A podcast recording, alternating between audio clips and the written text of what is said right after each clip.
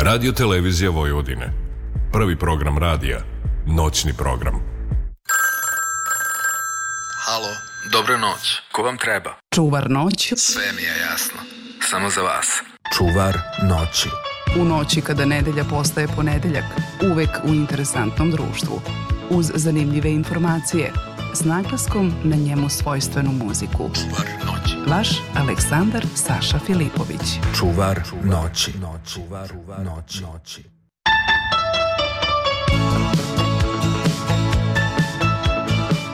Dobra vam noć, prijatelji, dobra vam noć, dobro mi došli. Evo, uživo, znači sad ću da vidim, to je šest minuta prošlo posle ponoći i ja sam imao jednu dilemu. Toliko je postalo nezdravo vreme i za zdrave ljude, ja sam prošao jedan hali gali, što kaže, s ovi 19 stepeni koje smo imali u petak, evo nas Pita se Daniel gde je Saša, hoće li doći da čuva noć. Na minus 3 smo, Daniel. I duva košava. Minus 3.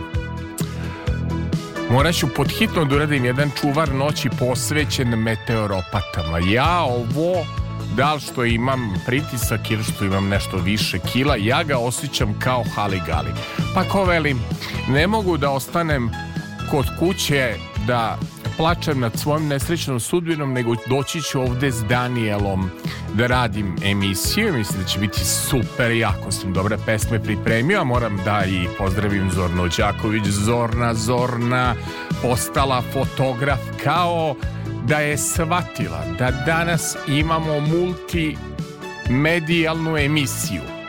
Naš večerašnji gost je emocionalni ninja i mi ćemo u isto vreme imati emitovanje i na talasima Radio Novog Sada, ali i na društvenim mrežama, s obzirom kad sam ja emocionalnog ninđu stavio a, da će biti gost, meni se zapalio Instagram, iako mi je zatvoren profil Aleksandar Filipović Sasa, ali možete da kucate pa ko bude dobar, toga ću da pustim da me prati. Ja nisam kao na pevačica otpratila, nije otpratila, znate na koju mislim.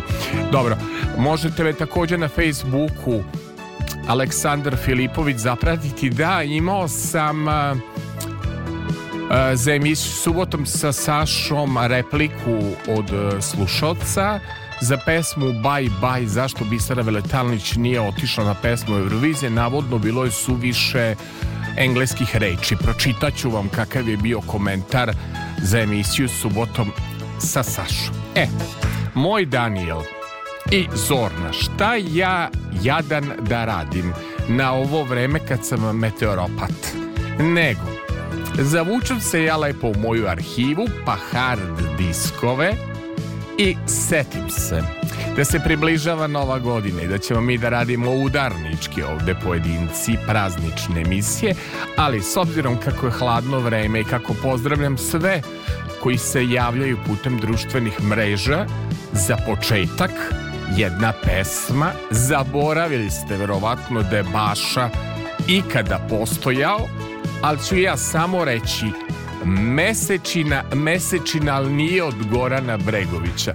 Dobro poslušate ovaj tekst od Baše, kao da je pravio Željko Joksimović, a nije pravio Željko Joksimović. Da, da, to je taj rad skoro 20 godina se nije čula ova pesma na radio talasima, dakle Baša i Mesečina, joj, joj.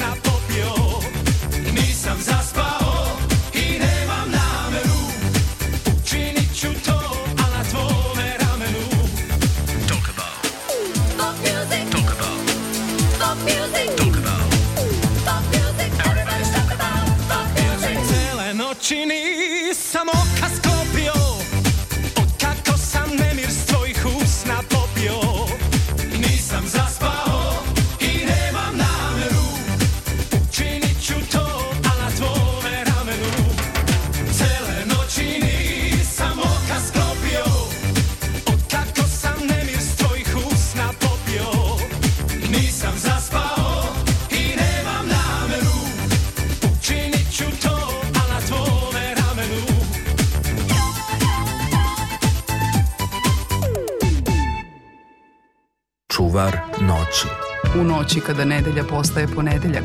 Prva dva sata radne sedmice. Specijalna noć kada slušalci prvog programa radio televizije Vojvodine imaju nekoga koji ih štiti od tuge. Čuvar noći. Uvek u interesantnom društvu. Uz zanimljive informacije. S naglaskom na njemu svojstvenu muziku. Čuvar noći. Vaš Aleksandar Saša Filipović. Čuvar noći.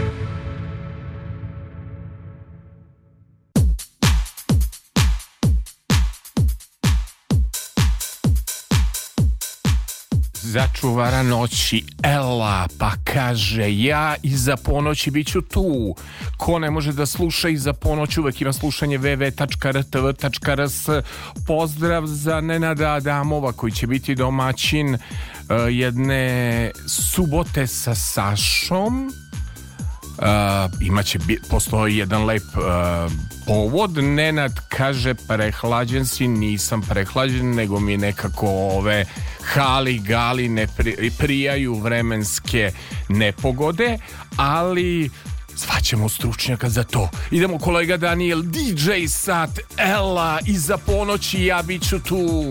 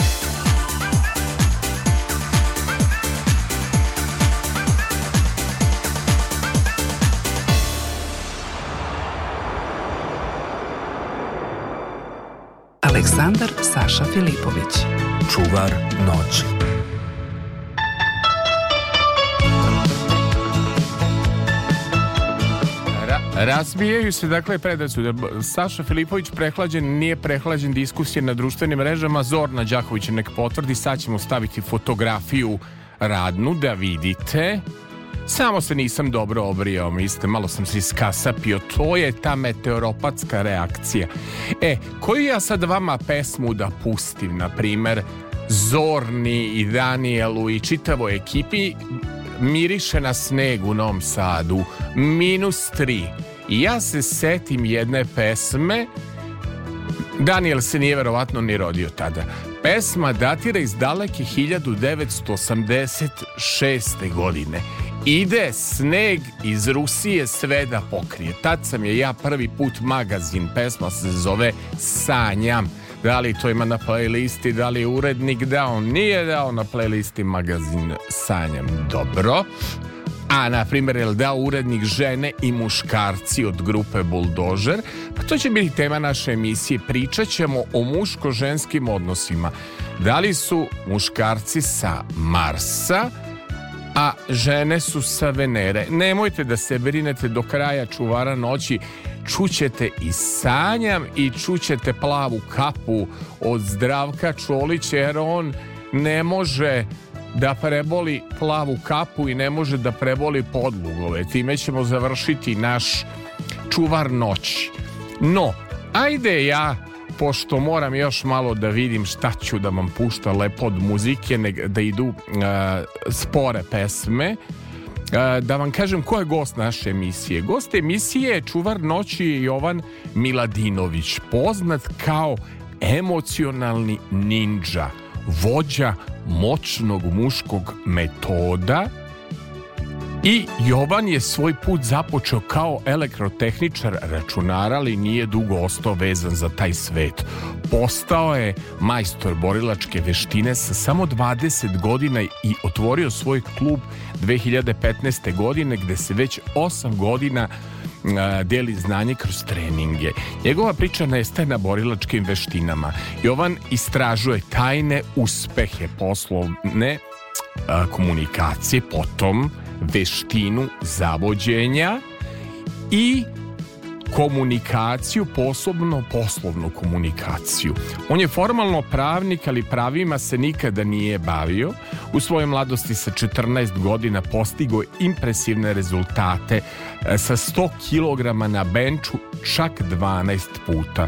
Jovan je pet procesor, da li sam sad dobro izgovorio, a, to će mi on reći u razgovoru, pomaže ljudima da prevaziđu traume i ne- negativne ciljeve. Dakle, ako ste emotivno toksični, ako vam je neko u ljubavi zagorčao život, odite kod Jovana da vam on pomogne da se vi tih problema rešite. I on a, svoje znanje deli kroz monitoring muškaraca u ključnim oblastima a, muškog ponašanja, a, javnog nastupa. Ali neverovatno, pored toga, Jovan je i DJ.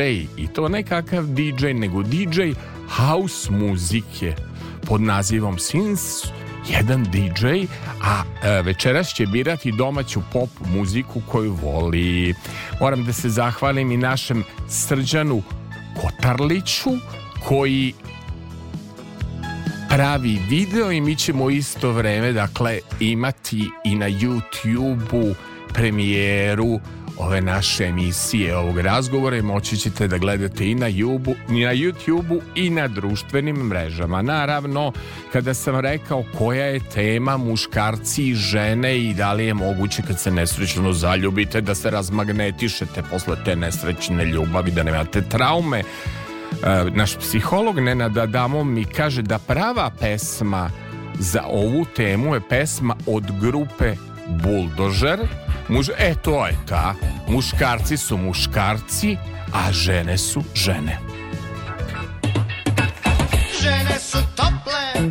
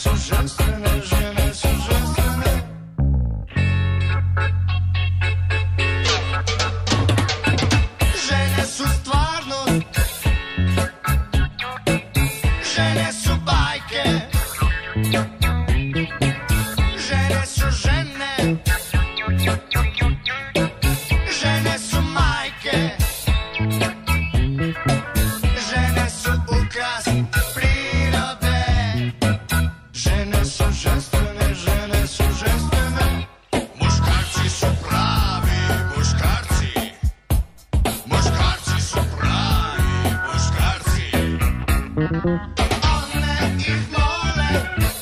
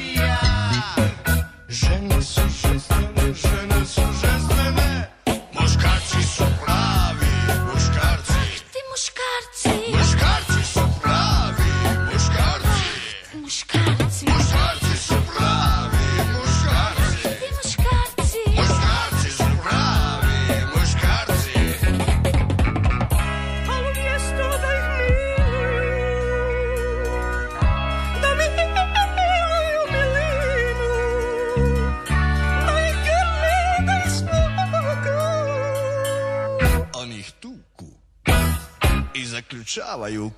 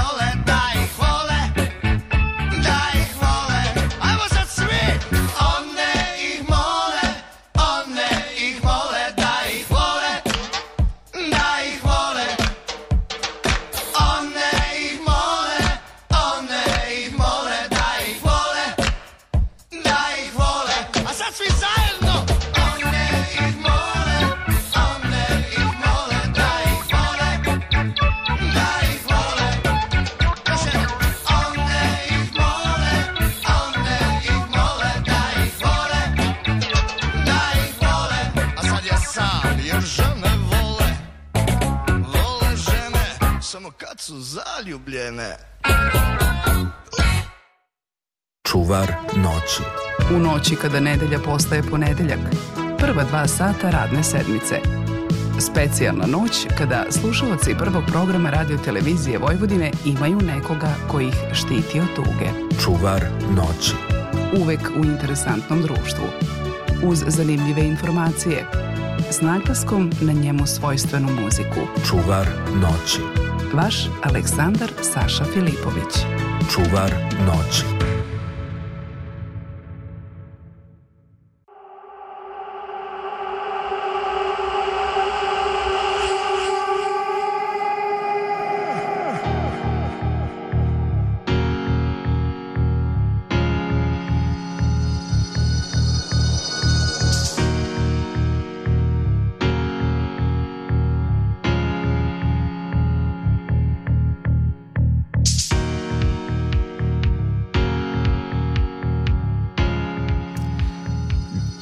Gleda, gleda. Naš Božan Nikolić, šta je sa Sašom Filipovićem? Zašto se učutao? Pa dobar instrumental. Ja sam poznat kao neko ko u svojim programima dobija od slušalaca poklone. Evo, dobio sam dvadesetak majica, tridesetak knjiga, o kolačima i čvarcima da vam ne brojim. Samo me proveravaju na vagi koliko sam se ugojio.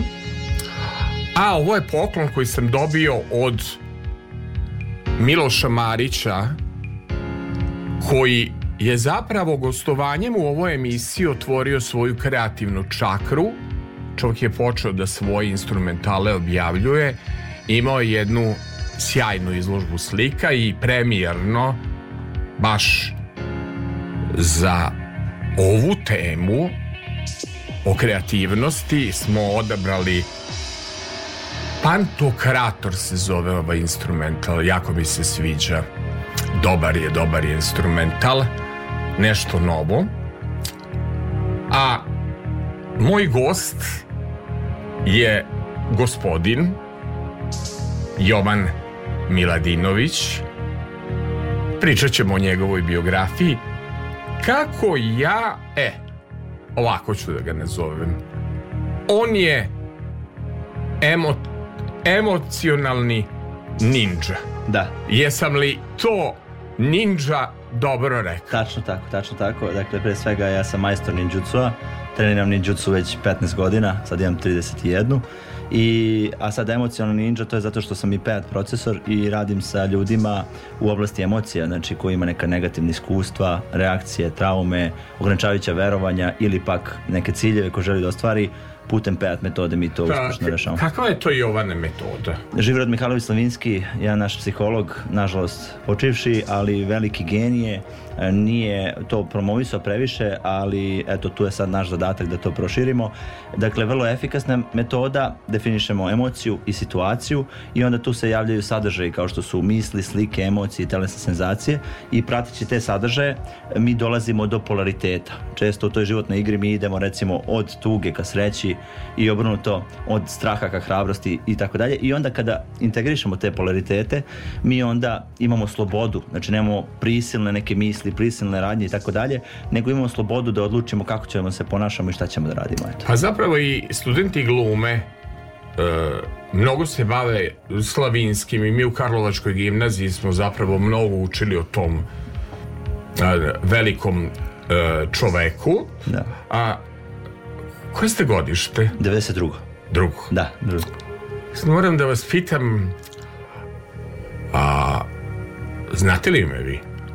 Pa mislim iz medije Da, da, iz medija, da. da Pa, lik- lik- no, lik mislim, mi je a s obzirom da smo se na društvenim mrežama, ja sam zapratio vaše stranice, posle ćete reći koje su, Da. ali moram sad da vas pitam nešto, s obzirom da ste vi ipak dete koje mm, tri godine mm, mlađe od moje televizijske karijere, a, a četiri godine mlađe od moje autorske emisije. Recite mi, prst, ovaj kaže prst. Zašto ste me plagirali? A ovaj, ali sad onda šalim se, onda bih morao i Zeku milionera, onda bih morao sve voditelje Dejana Pantelića, sve koji koriste prst, da kažem, plagirali Evo, ste ću- Ali šta ću vam ja reći samo? Da. Prst bili ste mali, gledali ste BK televiziju, gledali ste NS+, gledali ste da, televiziju Vojvodine, tabloid, kako bih vam rekao, odrednica toga je prst. Da. Ja gledam vašu fotografiju na Instagramu i pitam se zašto mi ovaj čovek uze prst? ovaj, koriste to sad i u političkim kampanjama i koriste Mogu da sve. objasnim, da. Objasnite mi, taj, taj me govor tela interesuje Pa jako. pre svega ja, pored toga što sam profesor PET metode, ja sam izučavao i NLP i coaching, bio sam mnogim mentoring programima, programima drugih ljudi i onda du- dugo godina pratim uh, autore kao što su Zig Ziglar, Grant Cardone, Jordan Belfort i tako dalje.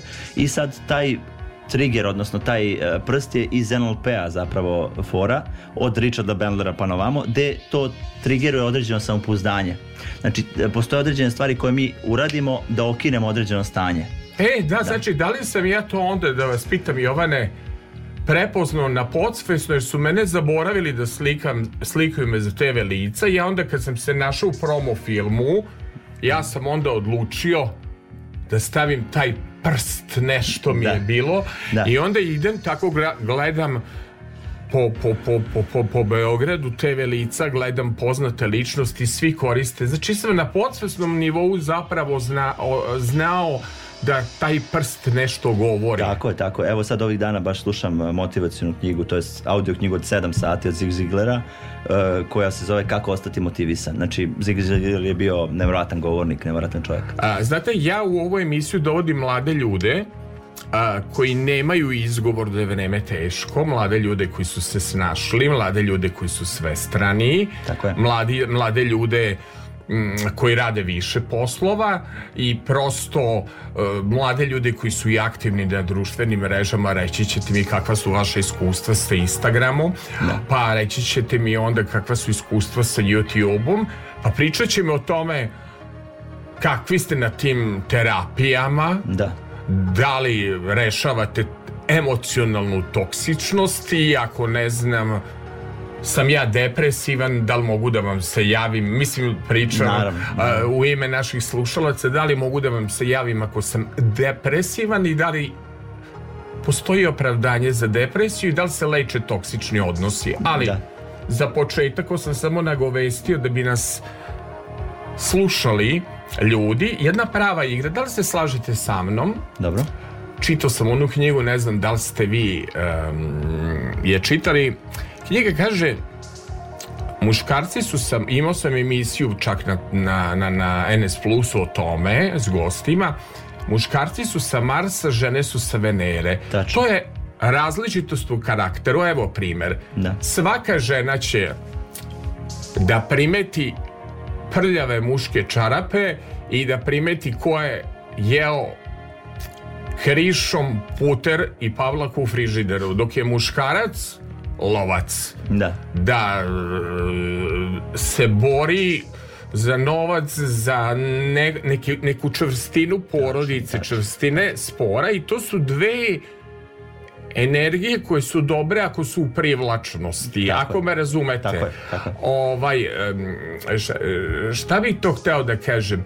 E, I prirodna je svađa između muškarca i žene. Nije možda u prirodi, mada znamo da su muškarci dobri kuvari i tako dalje, ali nije nekada u prirodi muškarca da fajta i da pegla i e, da gleda gde su prljave muške čarape, naravno da ste vi uredni, da ste sportiste i tako dalje, ali u prirodi muško je nekad malo bude jaljkav. I kao, jel tako? Kad se ne stigne, da. Kad se ne stigne. Ali uglavnom, uglavnom... Da li su muškarci sa Marsa, a žene sa Venere i da li ste čitali tu knjigu? E, iskreno nisam pročitao, planiram, to mi je na spisku, pošto imam veliki, veliki e, spisak e, knjiga koji treba da čitam, ali u suštini slažem se sa tim da su muškarci i žene različiti i osnov privlačnosti nije slaganje. Nego? Neslaganje. Neslaganje. E, fini- Faktički, Da. a, a ono, da li je potrebno pošto ste dosta tradicionalista i po, ja ću pokušati da vam ga opišem on je, on je kao da je došao ovde meni iz 18. veka ali posle ćemo malo U oklopu. ovaj da u oklopu tako došao kao ninja Da. da, da, da se bori s pošastima na Instagramu s ovim napućenim silikonkama s ovim što se tetoviraju međutim ovaj, da li je u prirodi, da li malo i pali odnos, da li malo između muškarca i žene mora da bude vatrice da bi bilo strasti, ako me razumete. Da li ste u muško-ženskim odnosima a, demokrata u smislu da mora da postoji neka svađa. Citiram jednu pevačicu pop muzike, ima pesmu jednu koja kaže posle svađe sve mi je slađe. Da. I u krevetu joj posle svađe bude mnogo slađe. To je, to je tačno, međutim ja se ne zalažem za e, neko raspravljanje sa ženama, pošto uglavnom... Žene zvocaju. Da. Postoji knjiga da klasična osobina žena je da zvocaju. Tačno tako, tačno tako. Mada ove sad veštije žene znaju kad treba da kažu nešto, kad ne treba i tako dalje. E, jako je bitno da žena bude u tom muškom okviru, znači da prosto e, bi uradila sve za tog muškarca, znači to je jako bitno. I druga stvar što je važno, znači e, ja nju, njoj stavim taj okvir, koje su moje jake lične granice i ona tu mora da bude. Ako ne, ja se prosto ne raspravljam. Mada žene imaju potrebu za dramom, za tim roller coasterom e, pozitivnih i negativnih emocija. Jer ako joj dajemo samo jedno te iste, znači ili dobre ili loše emocije, njoj je to dosadno. Znači ako je non stop dajemo dobre emocije, dosadno. Ako je non stop dajemo loše emocije, opet dosadno. Njoj je potreban taj spike gore dole. Tako da. potreban je i hali gali. Tako je, hali ne, gali. ne, ne znam baš da li bi se, imamo i podcast, Da. Duh i tu došao nam je mm, Srđan, neobično prezime ima Srđan, ko Kotarlić. Kotarlić. E, Srđan, ne znam baš da li bi se u svemu složio naš podcaster, dakle mi idemo i ne samo na radiju, nego idemo i putem društvenih mreža koje su jako moćne i uh, na mnogo uh, stvari ćemo se vidjeti. Ne znam baš da li bi se on složio sa vama, jer mi on malo deluje više soft varijanta. Naravno. Vi mi delujete kao da ste kao ninja, kao da ste izašli iz, iz uh, crtanog filma Ninja Kornjače, kao da ste izašli iz nekih borilačkih veština i krenuli u jednu borbu za jedan bolji i drugačiji svet, Tako a u ovom svetu ima svašta. Ajmo da čujemo malo grupu Kerber, ratne igre, Božo, grup, da, to je ta pesma, grupa Kerber i ratne igre.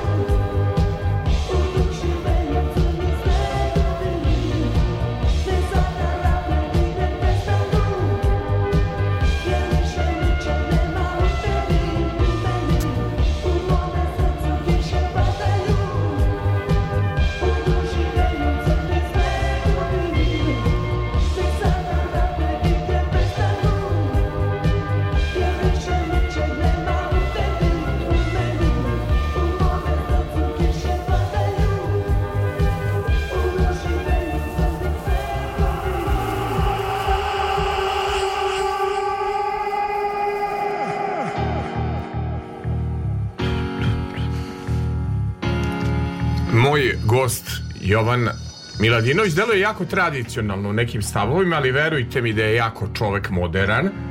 Na koliko, ajmo sad, da ne zaboravimo šta treba da kažem. Tako. Da ne bude Hvala vam inače što ste došli u Novi Sad. Nadam se da ste se lepo slikali na radio televiziji Vojvodine, da će story da gori, Obavezno. da ste napravili slike. Jesmo. Vi, boga mi, imate šta i da pokažete s obzirom da vežbate. Ovaj, ja ne smem da stanem pored vas zato što delujemo ovako baš a, kubucko, ali kako bi rekao, hvatam na svoj šarm. Recite mi, da ne zaboravimo, o platformama i šta je bitno da kažemo. Hvala što ste došli, gde živite? E, u Beogradu. E, hvala što ste došli Sokolom, pretpostavljam. Da, naravno. I jeste malo uživali u Novom Sadu, jesmo. Petrova Radinska tvrđa, put do multimedijalne zgrade radio televizije Vojvodine i do uh, mog studija. Izvolite, recite mi ono što je bitno da ne zaboravimo, Tako pa je. ćemo onda i o anegdotama iz života, ali da čujemo ono što je bitno. Evo, pre svega, e, majstor sam ninjutsu, a držim individualne treninge u Beogradu, znači Bulevar Despota Stefana 101, to je uh, Kuđi dođe se zove klub, piše se Kui Dojo, ima na Instagramu, znači uh, ninjutsu klub Kui Dojo ili na Googlu ninjutsu Beograd, kucate, drugi smo na pretrazi. A, to je jedna stvar koju radim, druga stvar koju radim to je znači PEAT metoda, emocionalni detoks ili mentoring muškaraca, dakle imam neki taj program pre svega emocionalnog čišćenja, a posle toga idemo mentoring u tri ključne oblasti, a to je mišićna forma, znači muški izgled, e, onda druga stvar e, kako, kako zaraditi novac, znači e, prodaja, marketing, javni nastup i tako dalje. I treća oblast mentoringa je komunikacija sa ženama i istina o ženama i naravno najvažnije kada uradimo taj posao posle tog mentoringa, znači ja tu kažem ljudima šta treba da urade, a onda oni preduzmu odlučnu akciju i onda oni imaju kada urade taj posao, taj muški stav ili muški okvir, što je najveća nagrada za muškarca. E sad, najviše... Ka interesuje me, na primjer, profil godina, e, da li tu dolaze ljudi nekih vaših godina ili bude i neki moj ispisnik? Pa- Ako ćemo objektivno, ja bi otac mogao da vam budem sa svojih 55 godina, Da. iako se prodajem za mlađeg Da, da. na društvenim mrežama, ali kako bih rekao, mladolik sam, pa šta ću, Da. to je osobina blizanaca. A ovaj, vi ste... e, Jao Bože, kako može čovek da mi napiše nešto to u biografiji? Ovako ide rečenica. Rođen sam davnog, ovako piše, davnog 7. jula 1992. godine u Paraćinu. Ja bih dodao u emotivnom znaku raka. Rak škorpion. A, Da.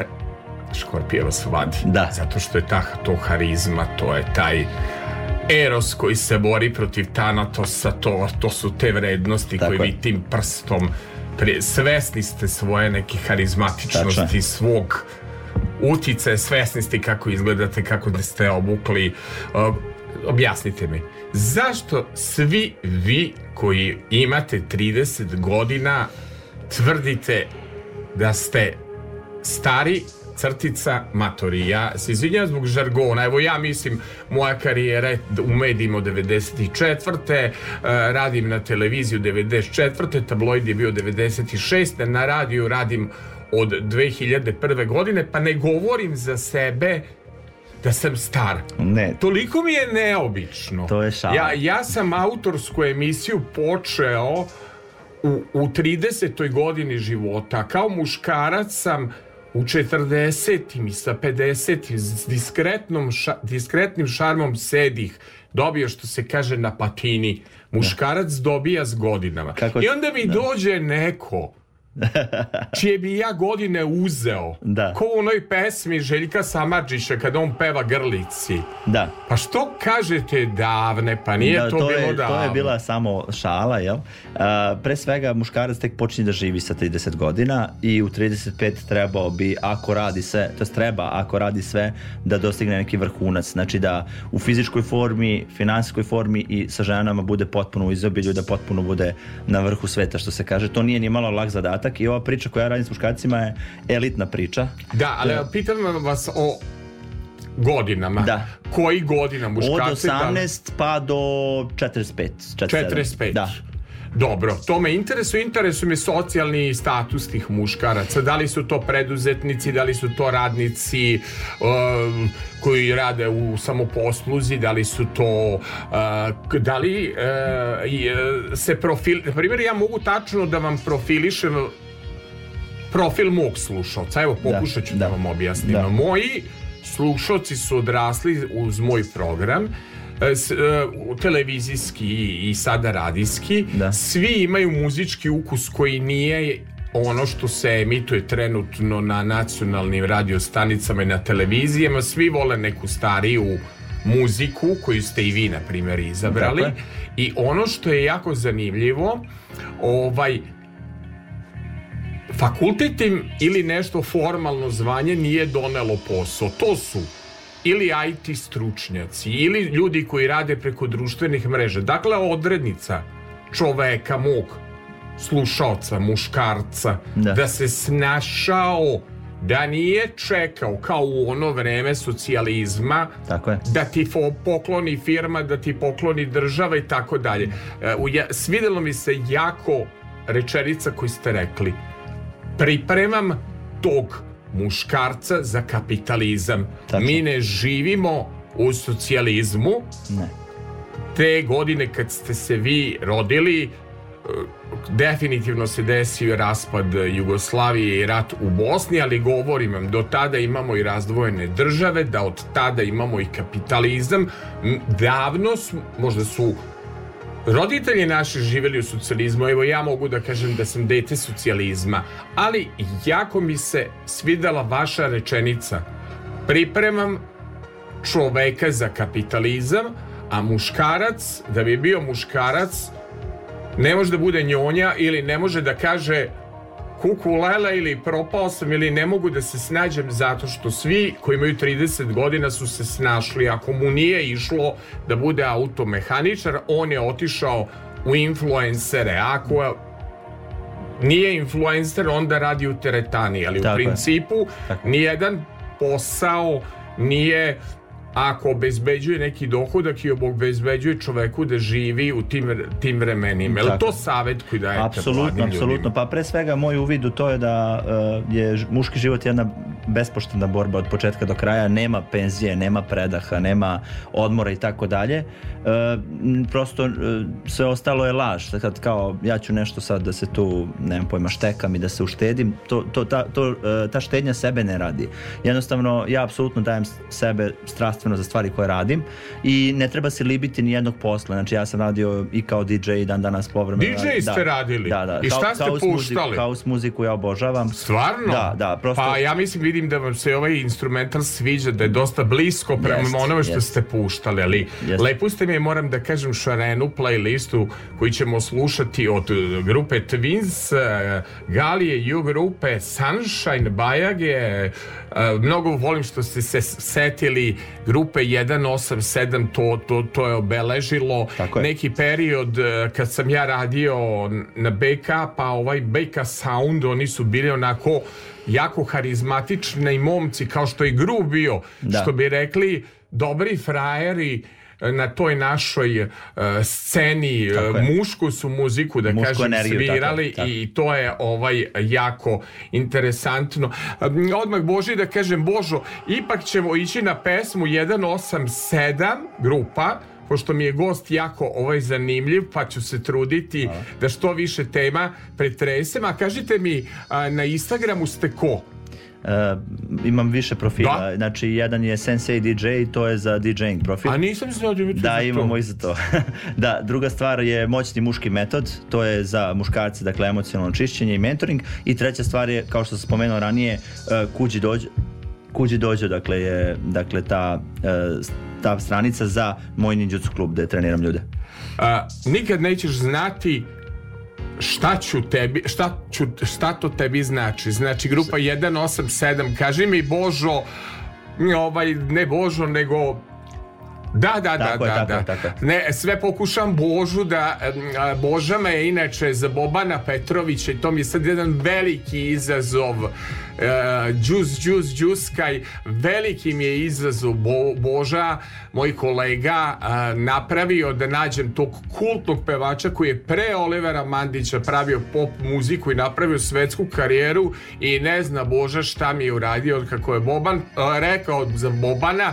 Ja taj album samo sam znao pesmu Žur, žur, žurka. Svaki dan puštam jer je to fantastičan pop. Tako da mogu da vam obećam da ja moram mom kolegi ispuniti tu muzičku želju i da moramo ispričati tu životnu priču nego kažem Božo hvala ti mnogo što si me nekom novom muzikom podsjetio me da ne slušam ove cajke ja ovo ne mogu da mogu izdržim ni ja. ne mogu ove, ove što su u modi pevačice ja stvarno stvarno čestitam i na broju arena ja, ja to stvarno čestitam to stvarno ne mogu da slušam Da. sve ovo što je trend i u modi to je meni sve na isti kalup Što bi rekao, O- što bi, izvinjam što prekidam, e, što bi rekao Rambo Amadeus, e, kaže šta je Durbo folk? Kad narodni taj melos naružaš sa nekim mašinama, sa nekim, e, dakle, elektronskim elementima i onda je to turbo folk. a koja je vaša kao ovaj stranica to moram da zapratim za DJing Sensei, DJ, Sensei 1.dy. Da. To je, da, to je znači za DJing house muzika.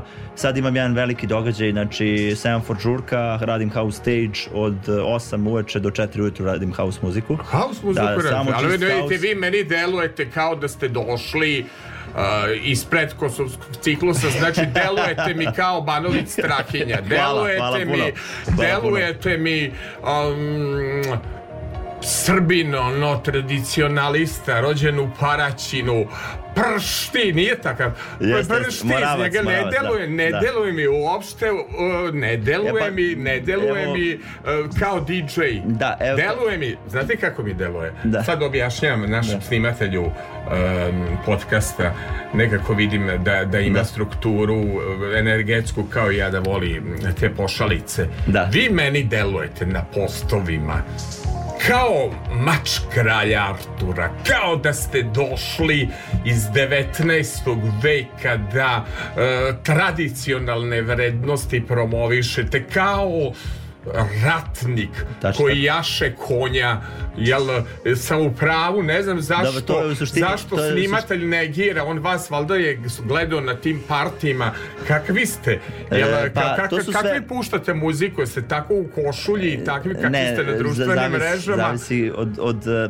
pre svega mi imamo svi uloge neke, neke identitete. Ne, nego ne Tako da- mogu tako tradicionalnog kako se predstavljate da vas zamislim E, kao mogu DJ-a. samo da, da, da to da obrazložim. Znači, pre svega moje odrastanje u Paraćinu, a, pre svega bile davno diskoteka Ozon, gde sam ja izlazio i ta, taj vibe diskoteke, taj, ta house muzika mi se nekako, prosto ja sam odrastao uz a, muzički stub mog oca, ovaj, uz tu neku, a, znači, jako zvučenje i tako dalje. I onda a, mi se to svidelo i prvi put sam puštao muziku u diskoteci Ozon u osmom razredu i DJ Bojan, moj prijatelj, mi je tada ovaj, to dozvolio. Ali mi ne delujete kao DJ. Da, pa dobro. Pa delujete mi kao da ste došli iz neke istorije. Da, pa pre svega... Ne znam, voleću, posle ću ja tražiti, pokazat ćete mi na Instagramu Da. kad grupam ovo, hoću da mi pokažete vašu sliku kako ste obučeni kao, kao DJ. Casual, casual. Zato što ste mi znate za ove druge uloge Da. Uh, gledao sam vas i na podcastima. Da. To E, da, se zna ko, ko, kako košulja izgleda, koji je sako, jel me razumete? Tačno tako, tačno tako. Imamo sad podcast, e, samo da to najavim, najavim e,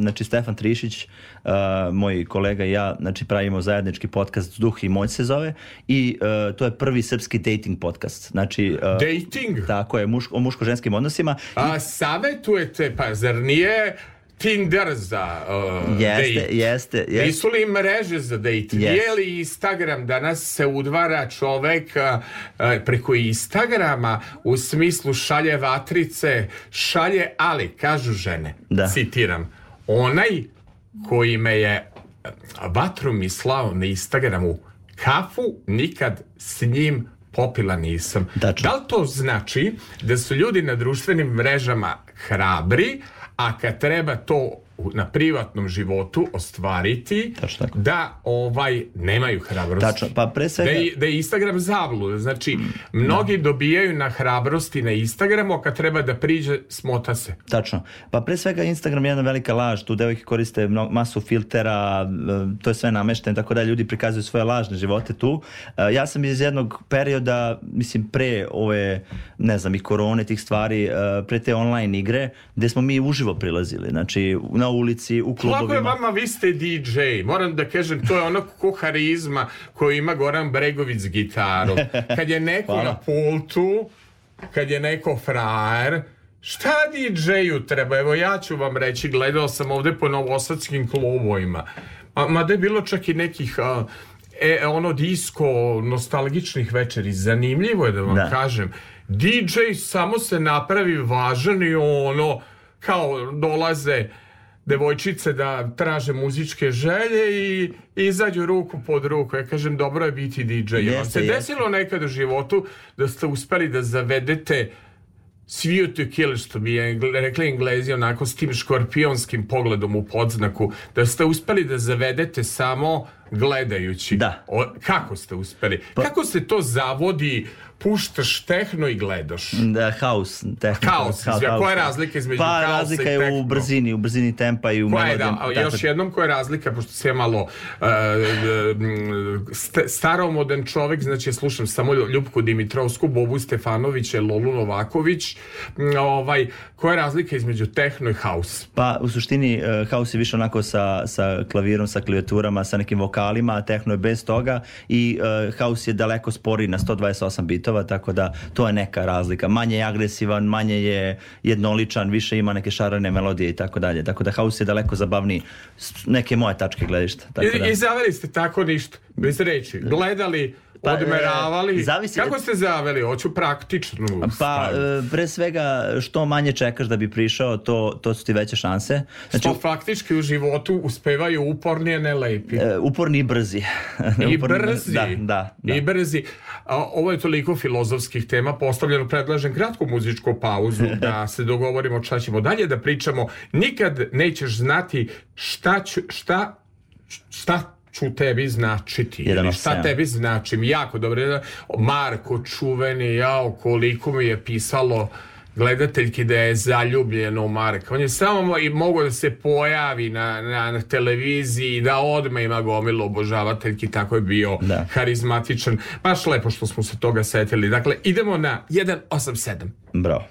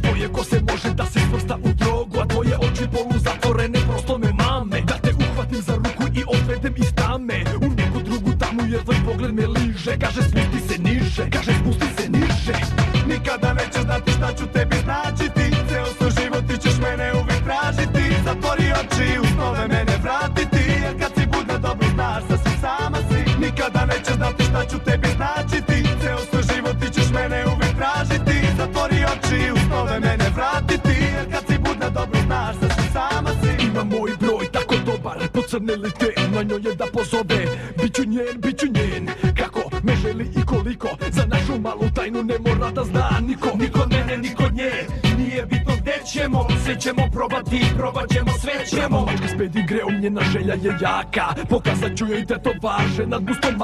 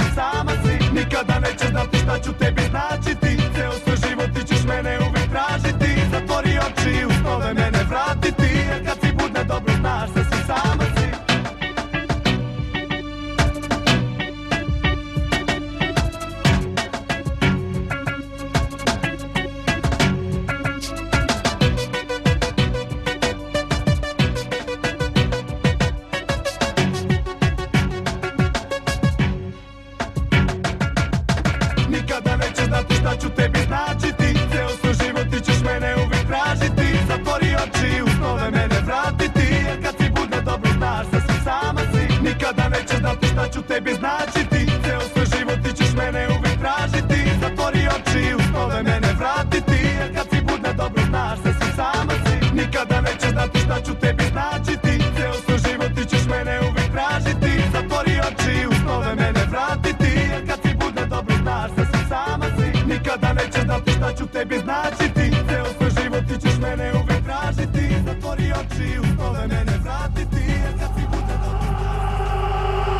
Miško?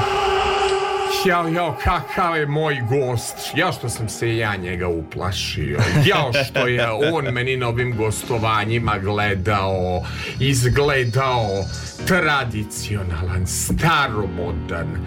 Ma kao da... Ne, Banović Strahinja, ajde, onaj vitez koji je oprostio prevaru, nego ona je ne znam koji je drugi koji nije oprostio prevaru. Ne opraštamo, ne opraštamo, Ja sam, ne, pričat ćemo s ovim. Ja sam čupao kose na glavi i rekao šta ću s ovim čovekom, pa u njemu ni traga modernosti, pa taj će da krene da mi pušta neke pesme dosadne, uopšte nisam očekivao, tajmo nešto dobro da kažemo. Može. Duhovito vezano je za Paraćin, a da vidim. Kažite vi meni, Jovane, da li sam ja pogrešio? Bio sam u žiriju Beovizije. Dobro. Vi ste tada imali 11 godina. Dobro. Sećate se Toše Projski pobedio sa pesmom Čija si fantastičan Fantastično, Toše jeste, bio. jeste, da. Da li sam ja pogrešio? Pojavila se jedna žena tada Dobro. u čarapicama zlatnim. Pevala je pesmu Srpska majka je bila u zatvoru određenim povodima s nanogicom i dobila je njene pesme. Pojavila se ta žena idemo klis u zlatnim čarapicama i pevala pesmu Januar, Janor, ja joj dadoh osam poena. Da, Sledeće godine ta ista žena znam ko je. kvizije. Ta ista žena se pojavi i otpeva pesmu Romale Romali. Reći ću sledeće apropo njenog jednog poslednjeg aktuelnog hita Bilo nam je lepo. Da. Smatram da nije u redu od medija i da nije lepo ismevati bilo koga ako je u nekom problemu, da li je to emotivni problem ili tim nekim stvarima, ali želim reći u onoj fazi Da. li bi vi da ste u žiriju i kao DJ i kao poznavalac muzike, da li bi vi tada tu vašu zemljakinju poslali na Euroviziju? Da li je to zapravo izgledalo kao žena koja treba da ide na Euroviziji? Da li čim kažem Paraćin, jasno je ko su najpoznatiji ljudi iz Paraćina, mislim to je naš Jovan Miladinović, ali kada govorimo o ženama, da li znate o kome govorim? Naravno, Ana Nikolić, eh, Romale Romali, velika pesma, veliki hit. eh, A šta kažete za Janor? Jel da da je Janor, Janor pojava... je isto opasna, opasna pesma, znači čak uh, onako teži da, da uđe u neki, pa ne mogu kažem sad evergreen, ali uh, da uvek bude uh, uvek sveža, uvek, uvek aktualna. Svakog januara može se pustiti ta pesma, ima tu i, energiju. ma, dakle. mnogo ono tužno, ću raka da probudim vama, mnogo je tužno ona pesma što je Marina posvetila svom pokojnom sinu. A, plaše Mićo moj, plačem za danima, ono, a, mi, Mišo moj, tu, Da, tu je jednu pesmu. Pa dobro, ima tu raznih, raznih uh, tekstova. A meni raznih. je jako žao samo eto, to je primer kad e, ako se karijera ne vodi samo racionalno nego se vodi emocionalno da može jedan dobar start Da. a da imala ga je Da, da. i meni je žao i uvek ću biti na strani slabijeg i uvek ću se sećati Ane Nikolić, one s početka karijere. Bi- Bilo mi je nje i Flamingo sam i eto žao što nisu išli s ludim letnjim plesom na Euroviziji ili tako ona Romalerom, ali ona je onda bila primer zgodne, lepe žene u Bila je, da. smislu, lepa koreografija, lep izgled, sve na mestu. Tako je, 10, 10. Znači ta pesma, taj period, ona je zaista tada i fenomenalno izgledala i pevala i sve to. Što se tiče posla i javnog nastupa i tako dalje, tu ne smemo nikako da se vodimo emocijama, nego apsolutno razumom i, i strateški da postupamo u poslu. Znači, pogotovo muškarci. Znači, nikad ne smeš da dozvoliš sebi da imaš neki ispad ili da imaš neku reakciju. Znači, uvek mora da budeš kontrolisan, pogotovo u javnosti. Tako. Jel tako? Da, da. U javnosti. Tako je. A, samopouzdanje ono se uči. Tako je, to je kao mišić, znači imamo tu razne vežbe, imamo od PEAT metode, pa imamo NLP, pa imamo razne drilove, vežbe. U suštini samopouzdanje je posljedica rada na sebi i rada u životu. Kad ti imaš neki dokaz za svoje samopouzdanje, na primjer ja sam postao majstor ninjutsu u 20 godina, ja sam počeo trenirati ninjutsu sa 14. Imao sam fenomenalne trenere, pozdravljam ovom prilikom Dejana Đorđevića, on je radio tada u interventnoj policiji i pokojni Milan Mića Arsić i moje, moje odrastanje je prošlo uz njih i inače sam pre toga tere, u teretani dosta trenirao, znači u 14 godina već sam imao nekih 85 kg i 100 kg na benču guro 12 puta. Mislim, 100 kilograma ste na benču. da, u 14 godina. Jednostavno, ja sam uvijek imao, pošto sam rak, jel, imao sam uvijek tih problema nekih sa tim emocijama, nisam znao šta s tim. Da, njonjavi rak, ja to tako Da, da, kažem. baš Sreća je- što eto idemo nekad i u nekim malo i kasnim terminima, pa da sve, smem sve metafore. I jako me interesuje baš kako ste se izborili s tom emotivnošću svojom. Pa, je treningom. usađeno. treningom. Uh, ja sam pre svega na, tražio, to je taj, taj eskapizam koji ljudi rade, više to ne radim, ranije kao, kao klinac, kao mlađi sam to radio. Beg u teretanu, beg u sport, beg u veštinu. Znači, na, tražio sam utočište i jedino, mislim, najbolje utočište koje sam našao bilo mi je Ninjutsu klub iz Paraći na Kuđi Dođo, koji je Dejan tada vodio. I onda se moj klub u Beogradu sada zove Ninjutsu klub Kuđi Dođo kao nastavak te tradicije, jer kad god sam došao na taj trening, Dejan i Mića su me čekali kao druga porodica prosto. Eto. Dobro, kažite mi, molim vas, kako izgleda s vama ovaj e, izlazak? U smislu, kako treba da ide izlazak, e, e, izvedete na kafu damu i kako to izgleda? Vaše zavođenje. E, šta muškarac treba, mislim, ajde sad računamo, ajmo ovako, prvo upoznavanje. Tako je. Gde treba da se upoznaju? Aj, dobro, sad rekli smo, vi ste kao DJ imali sreću, pa su vama kao DJ-u prilazili. Da. Nego sada evo koristimo, da li je na primjer Instagram ili Facebook moguće mesto za upoznavanje? Moguće, mada tu postoje druge aplikacije koje su više za dating, kao što su Tinder, Bub, uh, Bumble, Badoo i tako dalje. Um, tu momcima preporučujem pre svega da srede svoje online profile, znači ne možeš da imaš neke slike koje su, ajde da kažem, musave ili ne možeš da imaš neke slike koje su loše, koje su, znači mora da pokažeš svoje aktivnosti, mora da pokažeš sebe u najboljem svetlu. E, to je jedna- ali preterujete vi s mačizmom. E, Pa ne. niste vi toli, mislim, ja sam mislio, kažem, kao da ste E. dojak, ali u 17. veku Kobanović Strahinja, to na kraju ispade čovek DJ. Da. Totalno sam vas pogrešno shvatio na društvenim Pa ja više uloga, Kad da. vas vidim tamo, to je sve nešto, o, dobro, i interesuje me dobro, Kako dogovori se to sastanak i kako treba da izgleda piće. Pa- da, li, da li muškarac mora da blefira na tom prvom Ne. sastanku?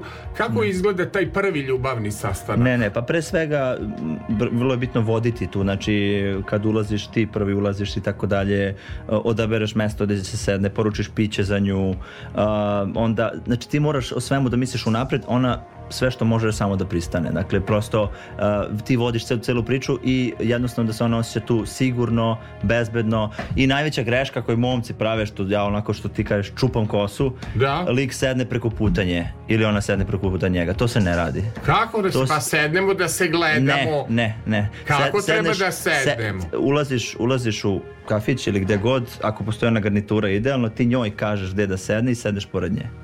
To se radi. Pored nje, Tako je. Da li pipaš odmah? Ne, ne, to postoje sad socijalna kalibracija, znači... E, sednem pored nje. Tako je. Ne sedne se ovako kao što Ne. se radi podcast Ne, ili ne. kao što se radi, ne pored nje sedne. Da. I šta radiš? Ili pipaš? Ništa pričaš, e, A razgovaraš. jel ima dodir tela? Ka- se ka- približavaš ka- ili se odaljavaš? Tu, tu mora, tu prosto mora postoji određeni, određeni, dakle, određena socijalna kalibracija, znači postoje tu ra- razni indikatori interesa kada pitamo devojku, kada ona nas nešto pita o nama lično, znači kada ona postavlja pitanja nama, to je opet indikator interesa, onda njen pogled, njen govor tela i tako da je to sve, sve se to čita, sve se to prati. Dobro, želim da kažem, znači sedimo pored drugog i kako damo i ispratimo kući, da li postoji poljubac u ruku, poljubac u obraz ili nema ništa. Da. Drži se prvo veče distanca. Ne, Šta se radi prvo Ne, e, pa zavisi od, od e, kako da kažem, vreline odnosa, odnosno koliko je devojka zainteresovana. Znači može biti poljubac na prvom dejtu ako ona da određene signale i ako, ako je to sve okej. Znači prosto, kad, e, savršen dejt je, inače, ja moj savršen dejt sam imao avgusta meseca, to je bukvalno najbolji dejt u životu. Kako izgleda taj Pa ništa, dejt? prosto sve je klizilo, sve ide po, kao po loju. Znači prosto e, dolazim u kafić. Dobro, ali ne za to potrebna i sudbina, potrebna i Ne. hemija, potrebno je da se ljudi nađu. Potrebno to je- moja, moja neka Da. Svoj stav. Pre svega e, imamo nešto što se zove e, seksualna tržišna vrednost. Malo surovo Ala, zvuči. surovo ste to rekli. Da, samo, kakvo samo moram, tržište? moram nekoliko stvari ovde, vrlo A važno. nismo mi u ekonomiji, kakva seksualno tržište? Samo, samo da, znači pre svega, mor, znači pre svega radim s muškarcima. Uh, moramo da, Znam, ali vi muškarca tu predstavljate ko ninđu, ko supermena. Da. Kakva tržišna vrednost? Evo, samo To da, je- samo da objasnim. Znači, Objasni. moramo da radimo na svojoj privlačnosti. Ne smemo da budemo zapušteni, ne smemo da, e, znači moramo uvek da budemo čisti, sređeni, pedantni. A dobro. ja volim da sam apa drapa, šta ću ja da radim? Nikako. To ne Pa ide. ne znam, a, Jack Nicholson je apa drapa. Da, pa ali on je. Jack Nicholson. Pa dobro, On pa, ima so- on ja ima- sam Saša Filipović. Znači, to hoću da kažem. Dobro, da pazi. ima harizmu. Na, ima harizmu, ali on e, svetski poznata faca, tako da Dobro, to ja je... kažem, na primjer, Bruce Willis je isto Da. Vapa drapa. On je čak ćelav, neki ljudi imaju kompleks recimo kad su ćelavi. Ne, pa- treba da imaju komplekse, to su dobri ljubavnici. Tako je, tako Čelavi je, muškarci. tako je, obri glavu ako se Imaćemo o tome, dobro. Da. E, samo da kažemo, Ali znači, ne znam, z- osjetio sam se uvređenim što vi vređate muškarce apa drapa. Ne, ja ne, sam ne apa vređam ja. drapa. vi mene, neću da budem u, u, tako nabildovan ko vi. Neću da idem na teretanu, hoću da idem da jedem u multimedijalni restoran. Hoću da slušam šlagere, hoću slušam Anu Nikolić. Dobro, dobro, sve to lepo. Međutim, mi imamo određene stvari na koje žene reaguju i imamo određene stvari na Pa koje ne, žene znam, ne ja, reaguju. ja primetio na ovde reaguju i na umetnike ovde. A, dobro. Evo Kod mene, Svako mislim, ima imam svoju raznih trovača ja ovde u ekipi. Da. Razno raznih šarmera. Tačno. Dobro. Dobro. Ovaj, e, to izgledao taj dejt. Da. Koja je najsmešnija priča što ste imali u životu? Najs- Kaže naš snimatelj podcaster da je vaš da bi mogla knjiga da se napiše o vašim anegdotama. Pa bilo je mnogo, mnogo tih stvari, sad ne mogu da se setim tačno šta se sve dešavalo, ali, ali mislim, uglavnom mi kad izlazimo u grad, obično... Jel vi dozvoljavate da mlađi muškarac ima vezu sa starijom ženom? Kažu da je to jedna voditeljka rekla da je mlađi muškarac za stariju ženu kao čaj. To je limun koji osvežava čaj. Da, da, pa to jeste, možda starim ženama, međutim, a, Jako ste tradicionalni, aman presecite nešto izvan tradicije. Vi kod ste iz 17. veka a house DJ. ne, ja, a, ok je za zabavu, ok je skroz, tako da starije žene su super, znači one su jako pune Znam. poštovanja, E, da, starije žene jednostavno poznaju muškarce, eto, to mogu da Pa kažem. ne pitam samo, Da. znači kolika mora bude razlika u godinama između idealne partnerke i partnera?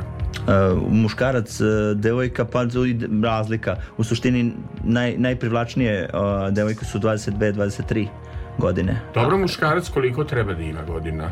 Njen dečko. Mm, 35, eto tako, na primjer. Najviše. Znači, govorimo o dugoročnom odnosu. Da. Tako da. Može da ima i više, ali... ali, ali Da li je problem, na primjer, ako se muškarac predstavlja lažno na društvenim mrežama, a, na primjer, pokazuje bogatstvo koje ima, pokazuje slike sa putovanja, bio je pre sedam godina. Da. li je problem laganja na društvenim mrežama a, predstaviti se lažno ili treba lagati na Ne, ne, nikako ne mrežama? treba lagati uopšte. Znači ja ni jednu devojku s kojom se viđam ne, ne lažem apsolutno ništa. Znači to sam što sam, take it or leave it. Znači ili ti se sviđam ili ti se ne sviđam i to je to. I ja ne, ne prosto... A, da. da vas pitam samo nešto, s obzirom da ste vi odabrali pesmu, na primjer Stanica Podlugovi Zdravka Čolića, Da.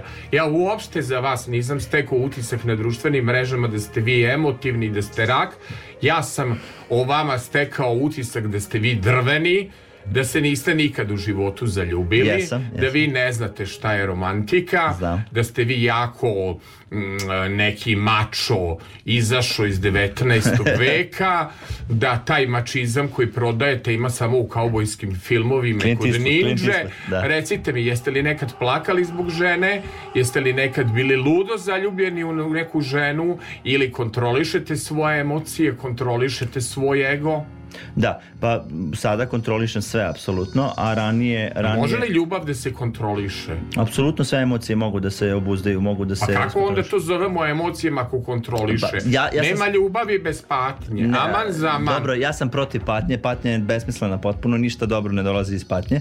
E, elem, Ne, osim, osim hoću da patetičnih kažem, pesama. jeste voleli? Da, da, da bio sam ludo zaljubljen više puta. A da. jel i dalje umete da volite? da, Mislite i dalje da možete se zaljubiti pored svih, Da. svih U šta se zaljubljujete?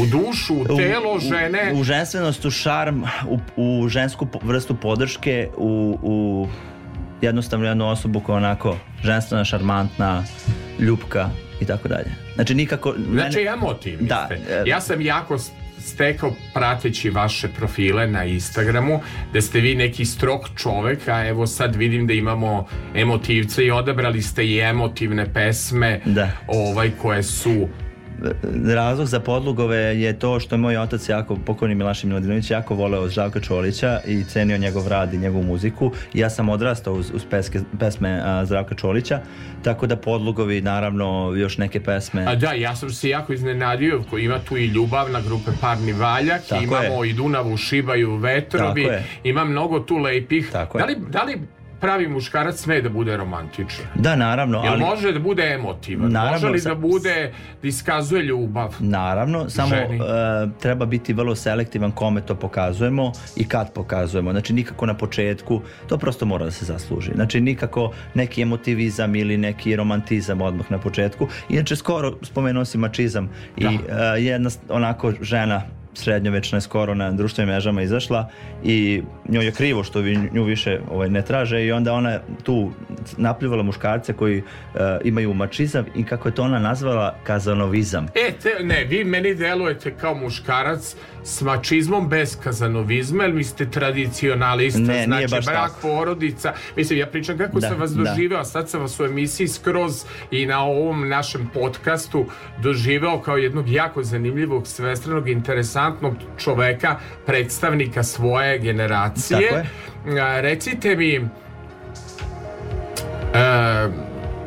dakle, koristiti mreže ili ne koristiti mreže? Koristiti, koristiti. Instagram, Definitivno. a, birati prijatelje, ne birati prijatelje, imati otvoren profil, ne imati otvoren profil, Da, evo ovako. da, konkretno. Konkretno, Da li treba ženi koja vam se sviđa slati vatru u Messenger Ne. ili slati srce? Ne. Ili šta treba slati u Messenger? U Ili ne treba ništa Ne, slati? u suštini treba tražiti žene koje tebe žele, znači u suštini to je jedna stvar, nikako juriti, nikako, ja to zovem simpovati, slati te emojije i tako dalje. Znači, postoji način kako može stupiti u kontakt, ali e, prosto e, izdizati svoj status, što se tiče društvenih mreža, apsolutno, danas je to, ako te nema na društvenim mrežama, kao da ne postojiš. Znači, to prosto, prosto e, čak ljudi više cene društvene mreže nego samu realnost.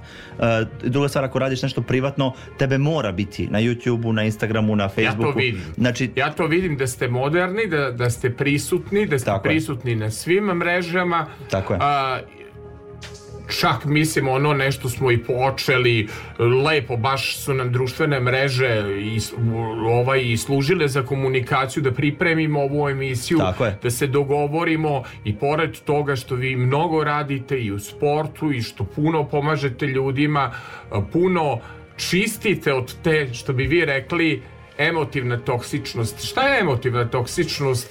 Da to polako privedemo pri kraju. Šta znači, kako lečite od emotivne toksičnosti? Pa, da li je to razočarenje, da li je to frustracija, da li je to zabluda?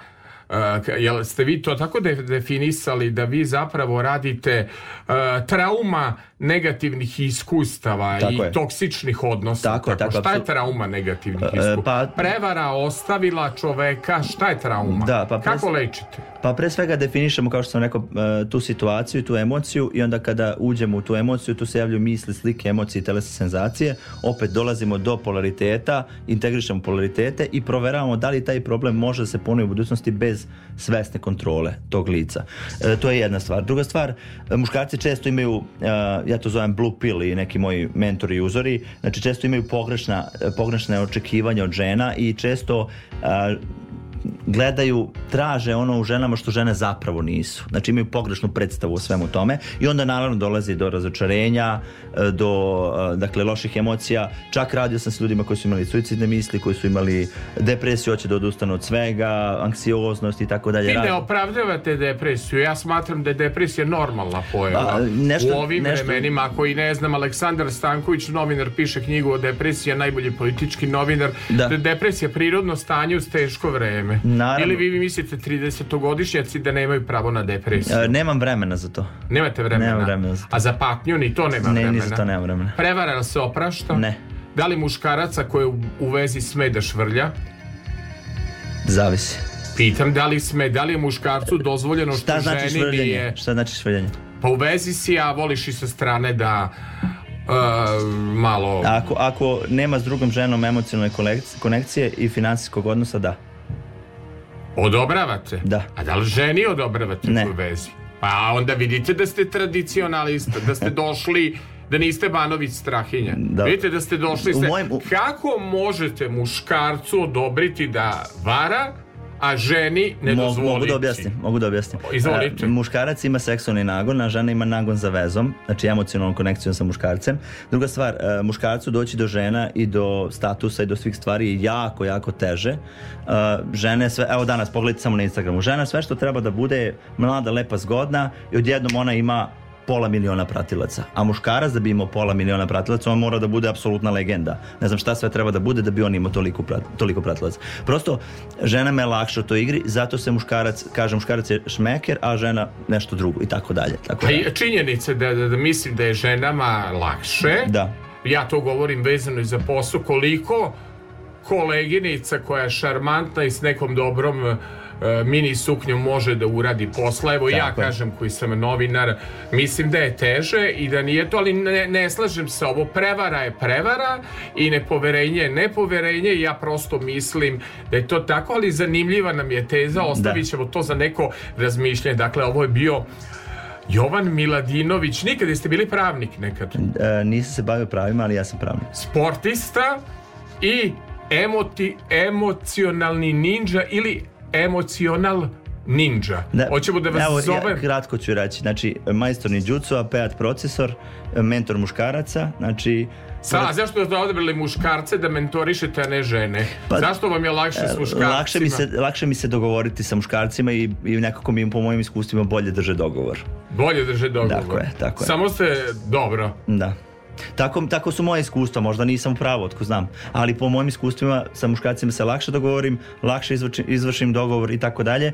E sad što se tiče ovaj, uh, DJ-inga, ranije sam se bavio time, u budućnosti se isto bavim time, samo uh, kad bude vreme za to da budem aktivniji u tome. Dobro, kad budete dolazili u Novi Sad da zovete čitavu moju ekipu na vaš DJ. Može? Može, može, Hoću, nisam do sada bio uh, na house partiju, ne znam Evo mogu da pozovem ljude Semafor žurka, znači bit će... A nemojte nemojte samo vezati se za datum, Da. Nemojte se vezati Neće. za datum zato što ćete biti u oba moja formata, toliko Tako je, ste tako- zanimljivi, bit ćete zanimljivi i za domaćice, tu ćemo malo da šaramo plavog slona, a Može. u čuvaru noći ćete da budete mistični. Može, mistični Da. ninja. Mi, ba- da, u, jel volite noć? Da, apsolutno.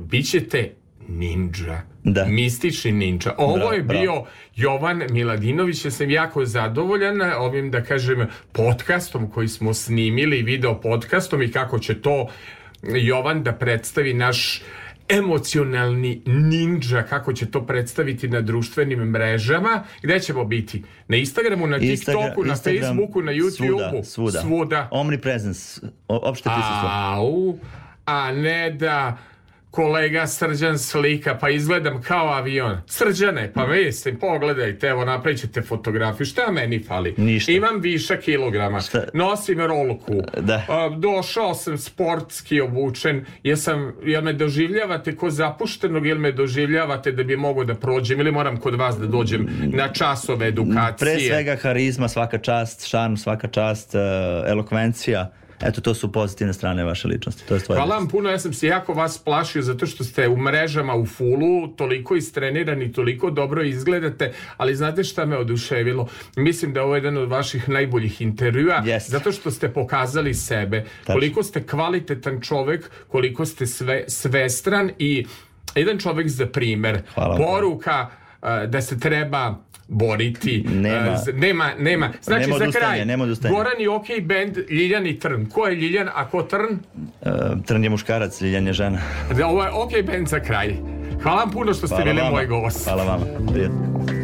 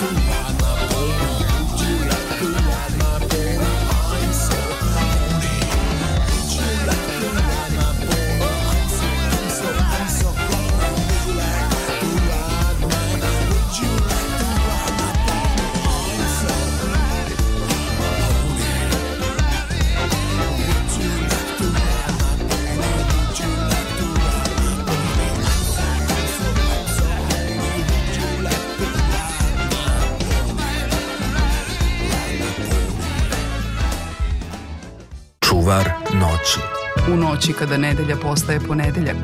Prva dva sata radne sedmice. Specijalna noć kada slušalci prvog programa radio televizije Vojvodine imaju nekoga koji ih štiti od tuge. Čuvar noći. Uvek u interesantnom društvu. Uz zanimljive informacije. S naglaskom na njemu svojstvenu muziku. Čuvar noći. Vaš Aleksandar Saša Filipović. Čuvar noći. Stižu pitanja da li je Aleksandar Filipović prehlađen iz Kikinde, ne nada damo, pa ne znam. Proverit će Zorna Đaković. Zorna, preventivno, to je čaj, tu nam je i kolega dragi Aleksandar Mladenović, čekamo sutra novo saletanje sale. A, ovo je dakle bila specifična emisija, vidjet ćete na našim društvenim mrežama, išla u isto vreme, dakle i na talasima Radio Novog Sada i na YouTube-u i vidjet ćete na podcastu. A, sledeće moram a, da najavim da sledeća dakle će biti emisija posvećena filmu, filmskoj muzici, generaciji rođenoj 1992. godine koji će mi zapravo kao predstavnici te generacije objasniti zašto ni jedan posao nije zašto nijedan posao nije siguran a završite nešto ne znači da to da radite ako ste novinar ne znači da nećete raditi nešto drugo. Dakle, podcast 2 će biti tema recenzije filmova domaće filmske muzike i zašto ti momci rođeni 1992. su jedno radili, a e, jedno studirali, a drugo rade. Znači, bit će zanimljiva kombinacija podcasta i gostovanja u čuvaru noći. E sada, naravno, emocionalni ninja, kad sam ga ja pitao da li iza tog njegovog mačo imidža stoji jedan emotivan rak, da kaže da, ja sam emotivni rak, kako je meni danas, jako sam stabilan u studiju, jer imam tri bika u studiju, istog datuma rođeni i Aleksandar Mladenović Sale i Zorna Đaković, znači slavit ćemo rođendan istog datuma. Zorna već i ja počinjemo sa novogodišnjim maratonom, a sad mi Daniel reče da i on bik. Moramo da proverimo negde šta taj uran radi bikovima. Hoće li biti para ili neće biti para? I šta će biti? Neće biti para, ali tako Daniel? Šta taj Jupiter radi? Jel ima, jel nema? Naravno, ja nisam hteo Danielu da, da, da e, pravim slatke muke, doći ćemo, čućete tu fam, famoznu pesmu koju sam ja čuo 1986. godine na radiju Novom Sadu grupe Magazin o snegu koji ide iz dalekih krajeva, ali za našeg emocionalnog ninđu pesma Podlugovi. On je meni priznao ja sam ipak rak i ja sam jako romantičan. Čim volim pesmu Zdravka Čolića Stanica Podlugovi plava. E, to je ta. Tata ga je naučio. I on zna tu pesmu o plavoj kapi. Zdravko Čolić i Podlugovi.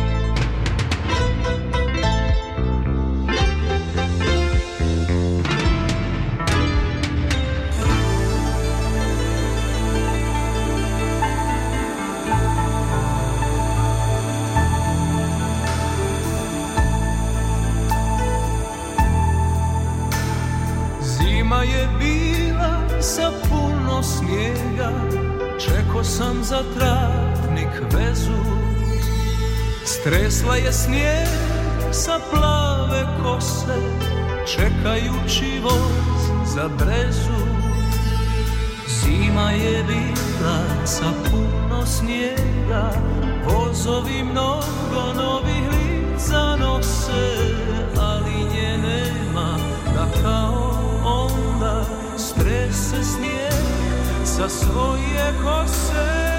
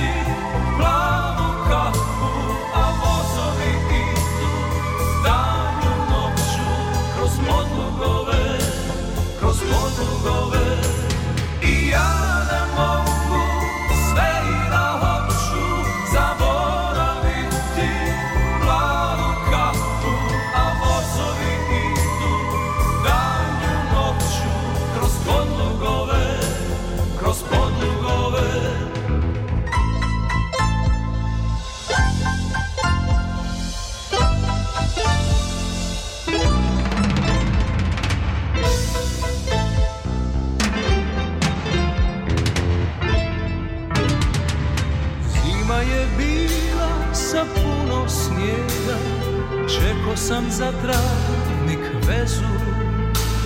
Stresla je snijeg sa plave kose Čekajući voz za brezu. Zima je bila sa puno snijega Vozovi mnogo novih lica nose Ali nje nema da kao onda Strese snijeg sa svoje kose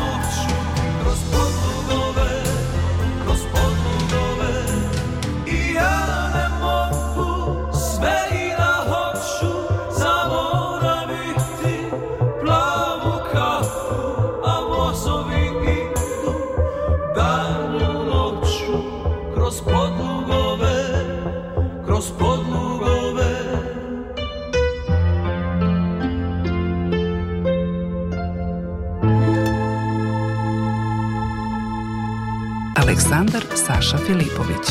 Čuvar noći.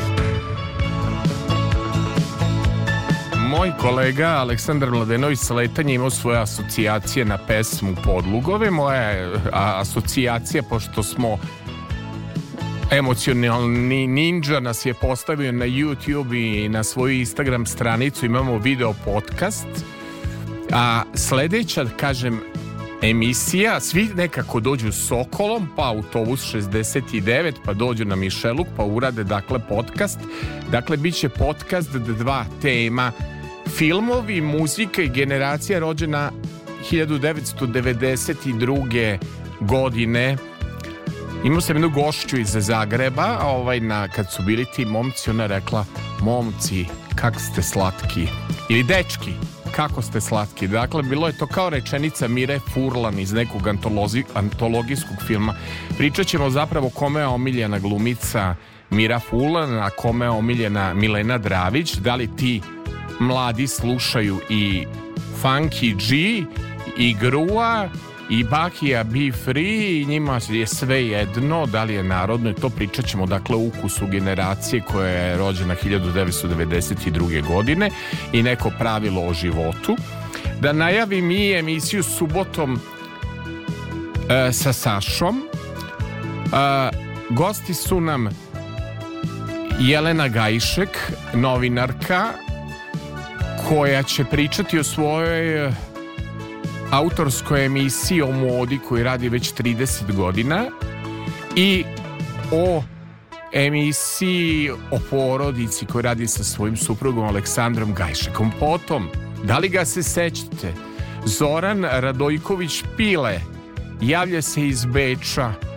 kaže nije bilo leba u novinarstvu pa je otišao u Beč radi i dalje kao novinar objavio je knjigu o svom detinstvu, odrastanju na jednoj železničkoj stanici. Čućete verziju njegovog benda, mislim da se Pilići zovu, Miroslav Ilić kako zvuči pozdravi je pozdravi u rock verziji i stand-up komičar iz Novog Sada Nebojša Grujić ima premijeru stand-up komedije Dođoš i ima jako zanimljive humorističke teorije o sremicama.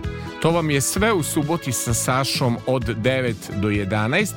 Hvala vam za lepe reakcije koje su bile za emisiju subotom sa Sašom. Naravno, dobio sam reakciju samo da vam pročitam vezano za Biseru Veletanlić i samo ovako ide samo, samo komentar.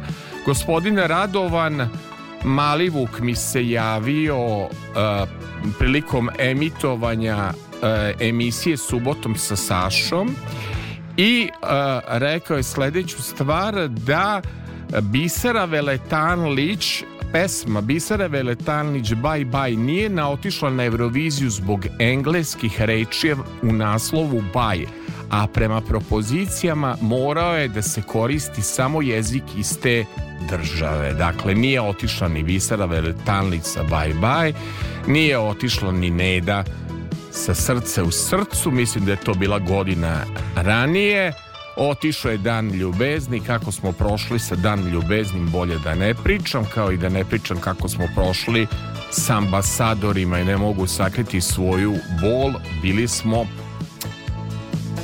pretposlednji. E sad ona pesma što sam ja kad su se neki rodili ne znam Daniel da li si se rodio tada, u pitanju daleka 1986. godina, ja počeo na Radio Novom Sadu da radim u omladinskom programu i puste tada na Radio Novom Sadu grupu Magazin. Uvek kad zamiriše sneg i kada treba da se spava, ja onda pomislim na tu pesmu. Sanjam, sanjam da te ne volim, stiže sneg iz Rusije sve da zaje. Poslušajte šta se slušalo 1986. godine Tonči Huljić, Mato Došen, Nenad Ninčević, Ilja Nikolovski i Magazin.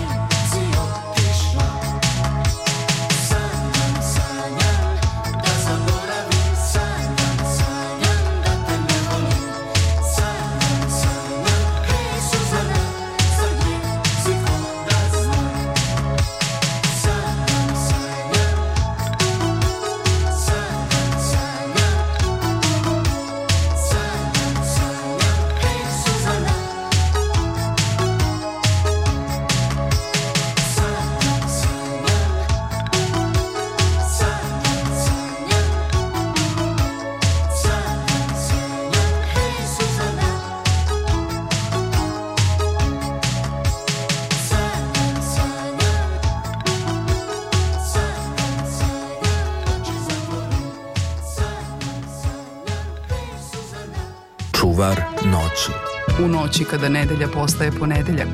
Prva dva sata radne sedmice. Specijalna noć kada slušalci prvog programa radio televizije Vojvodine imaju nekoga koji ih štiti od tuge. Čuvar noći. Uvek u interesantnom društvu. Uz zanimljive informacije. S naglaskom na njemu svojstvenu muziku. Čuvar noći. Vaš Aleksandar Saša Filipović. Čuvar noći. 1 sat i 47 minuta uživo čuvar noći radio Novi Sad. Već imamo dakle najavljuju mi se gosti da mi objasne kako na zdravlje, na san utiču ove promene vremena. Zorna Đaković je pokušala pantomimom da mi pokaže koja je temperatura, ali dobra je bila dakle asocijacija s obzirom da sam se ja odmah bacio na sajt Republičkog hidrometeorološkog zavoda te vidah da je u Somboru minus 5. Pozdrav za Nenada Adamova, našeg vernog slušalca. Što bi rekao Salet, naš psiholog sve vidi. U Kikindi je minus 4. U Novom Sadu je minus 4. U Sremskoj Mitrovici minus 4. Napominjem, dragi prijatelji i kolege, da smo mi imali 17 stepeni. Zamislite vi kakav je to hali gali za organizam, za pritisak. Evo, na primjer, moj primjer, to ću pitati doktorku. Kako ja koji pijem tablete za visok pritisak imam odjednom pritisak ko Borivoje Šurdilović. Skomolao sam se. Tri kafe da mi poture, ja ne mogu da se probudim. Takav sam meteoropata. Jedan od narednih čuvara noći bit će posvećen tim temama jer to voli naš organizatorka Zorna, voli te teme iz života, meteoropate, vremenske situacije, fizioterapeuti, uticaj vremena na raspoloženje, na psihu i te stvari. Dakle, napominjem u Novom Sadu minus 4, a ja Daniel, imao sam, hteo sam, pošto sam mislio još da je jesen kao godišnje doba, nije zima počela. Ja sam pripremio jednu jesenju pesmu. E, Mišo Kovač je bio u bolnici, ali koliko javlja njegova čerka Ivana Kovač, sve je okej. Ja sam se setio jedne pesme s kraja 80. godina, pesma Đorđa Novkovića, aranžman Mato Došen, pesma govori o jeseni. A mi smo iz leta direktno uskočili u zimu, ali nema razloga da ne pevamo o jeseni. Dakle, Kaži mi, kaži da li još sam ti drag, ljubavi moja, mladosti moja, da li sam ti drag, a jesen već rana kuca na prag, da li sam ti drag? Da, to je ta pesma. Kaži mi, kaži Mišo Kovač.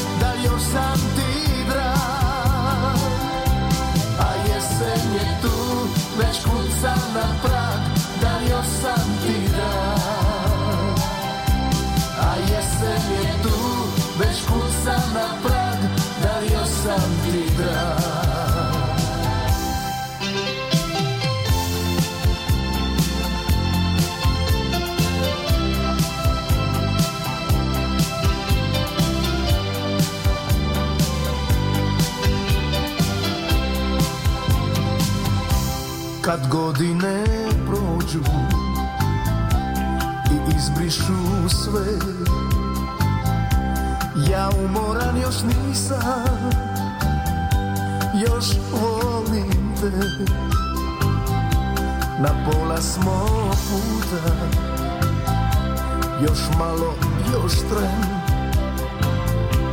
Ja ponovo te pitam Da voliš me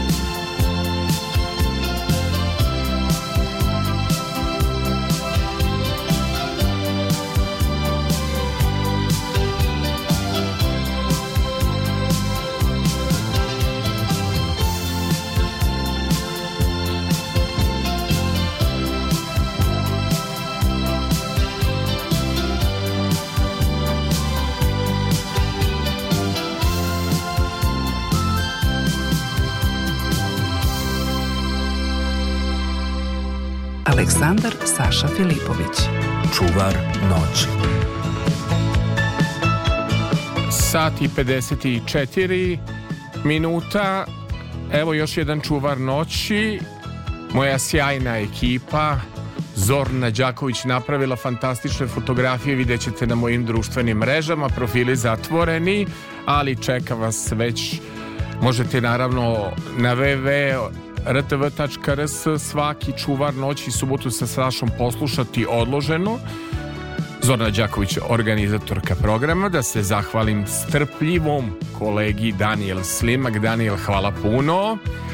Strpljiv, kao i svaki bik, strateg, slaže playlistu. Bilo odlično. Urednik Ajde da se zahvalimo naravno našem Dejanu Nikoliću koji nas je bezbedno dovezao po ovoj klizavici do zgrade radio televizije Vojvodine na Mišeluku. Hvala, hvala Dejanu. Organizator, eh, odnosno urednik noćnog programa Radio Novog Sada Đorđe Pastornački i urednica prvog programa Radio Novog Sada Milada Popović.